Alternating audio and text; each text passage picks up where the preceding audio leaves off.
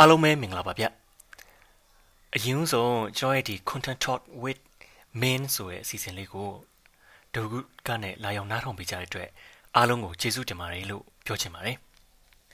အာကျွန်တော်အရင်ဘက်တုန်းကကျွန်တော်ရဲ့ဒီ channel မှာဗာတင်ကြလဲဆိုတော့ဒီ content နဲ့ပတ်သက်ပြီးတော့ content marketing ဆိုတာဘာလဲဒီ content နဲ့ပတ်သက်ပြီးတော့ဘယ်လိုအကြောင်းအရာတွေရှိလဲဘာတွေတည်ထားတင်လဲအဲဘယ်လိုမျိုးတွေရှိလဲဆိုတဲ့ဟာလေးတွေကိုကျွန်တော်အနည်းငယ်ရှင်းပြခဲ့ပြီးဖြစ်ပါတယ်ဗျ ဆိုတော့ဒီနေ့မှာတော့ကျွန်တော်ဒီ content နဲ့နည်းနည်းဆက်ဆက်တဲ့အကြောင်းအရာတစ်ခုဖြစ်တဲ့ copywriting ဆိုတဲ့အကြောင်းအရာလေးကိုကျွန်တော်ရှင်းပြချင်ပါတယ်အဲဒီထဲမှာကျွန်တော် copywriting ဆိုတာဘာလဲ copywriting နဲ့ပတ်သက်ပြီးတော့ကျွန်တော်တို့ဘာတွေတည်ထားတင်လဲဘယ်လိုမျိုးတွေရှိလဲဆိုတဲ့ဟာလေးတွေကိုကျွန်တော်အကျယ်တပွင့်မဟုတ်ပေမဲ့အကြမ်းမြင်လေးကျွန်တော်တည်ထားတာလေးကိုပြန်ရှင်းပြချင်ပါတယ်ဗျ။ Okay အဲ့တော့ကျွန်တော်တို့စလိုက်ရအောင်။အဲ့တော့အာကျွန်တော်တို့ copywriting ဆိုတာဘာလဲပေါ့နော်။ copywriting ဆိုတာကတကယ်တော့အာကျွန်တော်တို့ရဲ့ဖန်ဝန်းကျင်မှာမြင်နေတွေ့နေရတဲ့အာကွန်ပစ္စည်းတွေဒါမှမဟုတ်ကျွန်တော်တို့ brand တွေနဲ့ပတ်သက်တဲ့ကြော်ညာစာသားတွေအာကြားနေရတဲ့ဒီ radio ပေါ်က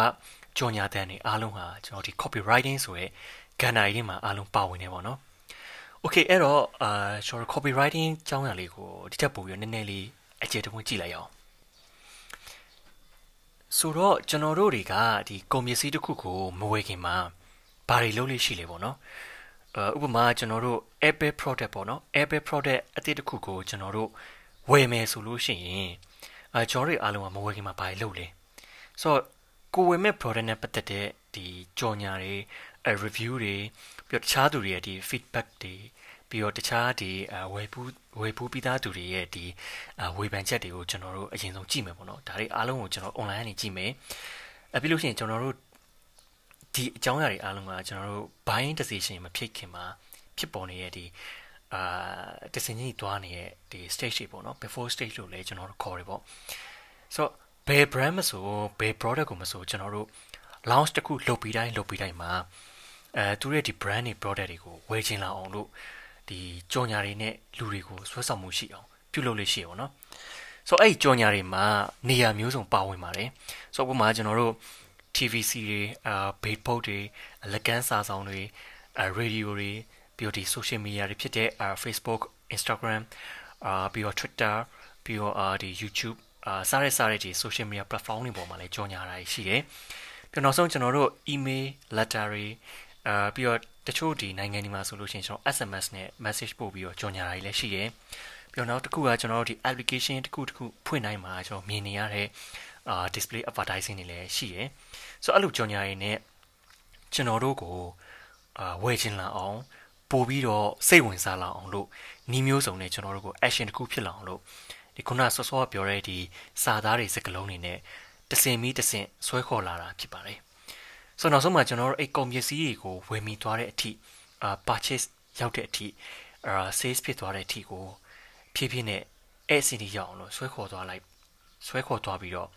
ပြုတ်လုလိုက်တဲ့ဟာကဒီ copywriting ဆိုရဲဒီကြော်ညာစာသားနေပြီးတော့ဆွဲဆောင်လာခြင်းဖြစ်ပါတယ်။ Okay အဲ့တော့အာကျွန်တော်အစားအနေပြန်ပြီးတော့ခြုံကြည့်ရအောင်။ဆို copywriting ဆိုတာကကျွန်တော်တို့တွေကိုအာ action တစ်ခုဖြစ်လာအောင်တနည်းပြောရမယ်ဆိုလို့ရှိရင်ဝယ်ခြင်းလာအောင်လို့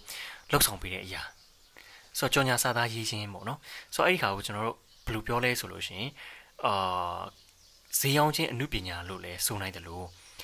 ဒီ company တစ်ခုဒါမှမဟုတ် brand တစ်ခုနဲ့ပတ်သက်ပြီးတော့ကိုယ့်ရဲ့ revenue တစ်ခုကို drive လုပ်ပေးတဲ့အရာလို့လည်းပြောလို့ရှိရင်မမှားဘူးပေါ့နော်ဆိုတော့စကလုံးတွေအများကြီးနဲ့ပြောစရာမလိုပဲနဲ့ခုနပြောရဲကျွန်တော်စာတစ်ကြောင်းနဲ့အာ point တစ်ခုတည်းနဲ့တင် ရေးပြီးတော့ကျွန်တော်တို့တွေရဲ့ကုန်ပစ္စည်းကိုဝယ်ချင်လာအောင်လို့ဒီ copywriting နဲ့ပတ်သက်ပြီးတော့ copywriting ကိုအသုံးပြုပြီးတော့ရောင်းချတဲ့အရာကိုကျွန်တော်တို့ copywriting ရေးတယ်လို့ခေါ်တယ်ပေါ့နော်အဲ့တော့ copywriting ကကျွန်တော်တို့ဒီပတ်ဝန်းကျင်မှာအများကြီးတွေ့နေရတယ်ဆိုတော့ကျွန်တော်တို့ဒီလုပ်ငန်းတွေကို copywriting နဲ့ copywriting ကိုအသုံးပြုပြီးတော့ revenue တိုးလာအောင် generate လုပ်ပေးတဲ့အရာဆိုလို့ရှိရင်လည်းမမှားဘူးပေါ့နော် ဆိုတော့ကျွန်တော်တို့တွေအားလုံးကဒီအာသူများတွေရေးတဲ့ဒီ copywriting ရဲ့ဘောင်ထဲမှာနေပြီးတော့အမြဲတမ်းတွေ့နေရတယ်ကျွန်တော်တို့တွေက consumer တွေဖြစ်နေတယ် customer တွေအမြဲတမ်းဖြစ်နေပေါ့နော်ဆိုတော့တစ်ချက်ကျွန်တော်တို့အာပြန်စဉ်းစားကြည့်အောင်ကျွန်တော်တို့က consumer တွေဘက်ကနေပြီးအမြဲတမ်းမနေဘဲနဲ့ကျွန်တော်တို့တွေက marketer တွေဘက်ကနေနေပြီးတော့ကျွန်တော်ဒီ copywriting ကိုသုံးပြီးတော့ကိုယ့်ရဲ့ brand ကိုယ့်ရဲ့ product ကိုရောင်းလို့မရနိုင်ဘူးလားရနိုင်ပါတယ်အများကြီးရနိုင်တယ် ဆိုတော့ကျွန်တော်တို့က copywriting ကိုသုံးပြီးတော့ကိုယ့်ရဲ့ဒီ product ကိုယ့်ရဲ့ company ကို revenue ကိုတိထက်ပိုပြီး generate လုပ်ဖို့အတွက်ကျွန်တော်ဘာတွေတည်ထားတင်လဲဒီထက်ပိုပြီးကျွန်တော်ဘာတွေလေ့လာထားတင်လဲဆိုတော့အများကြီးကျွန်တော်ရှိရယ်အာ copywriting နဲ့ပတ်သက်ပြီးတော့ကျွန်တော်တို့အာ online မှာတွေ့နေရတဲ့ကျွန်တော်အာသင်တန်းတွေလည်းအများကြီးရှိပါတော့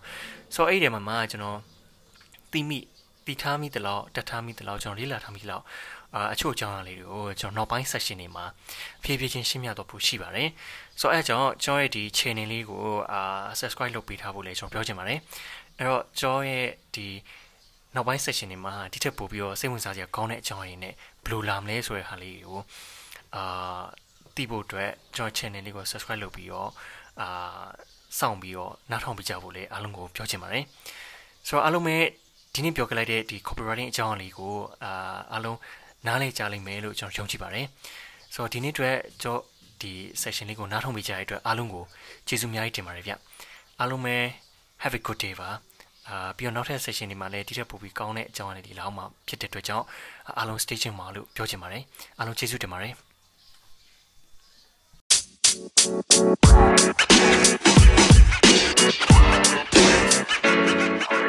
You know, man. You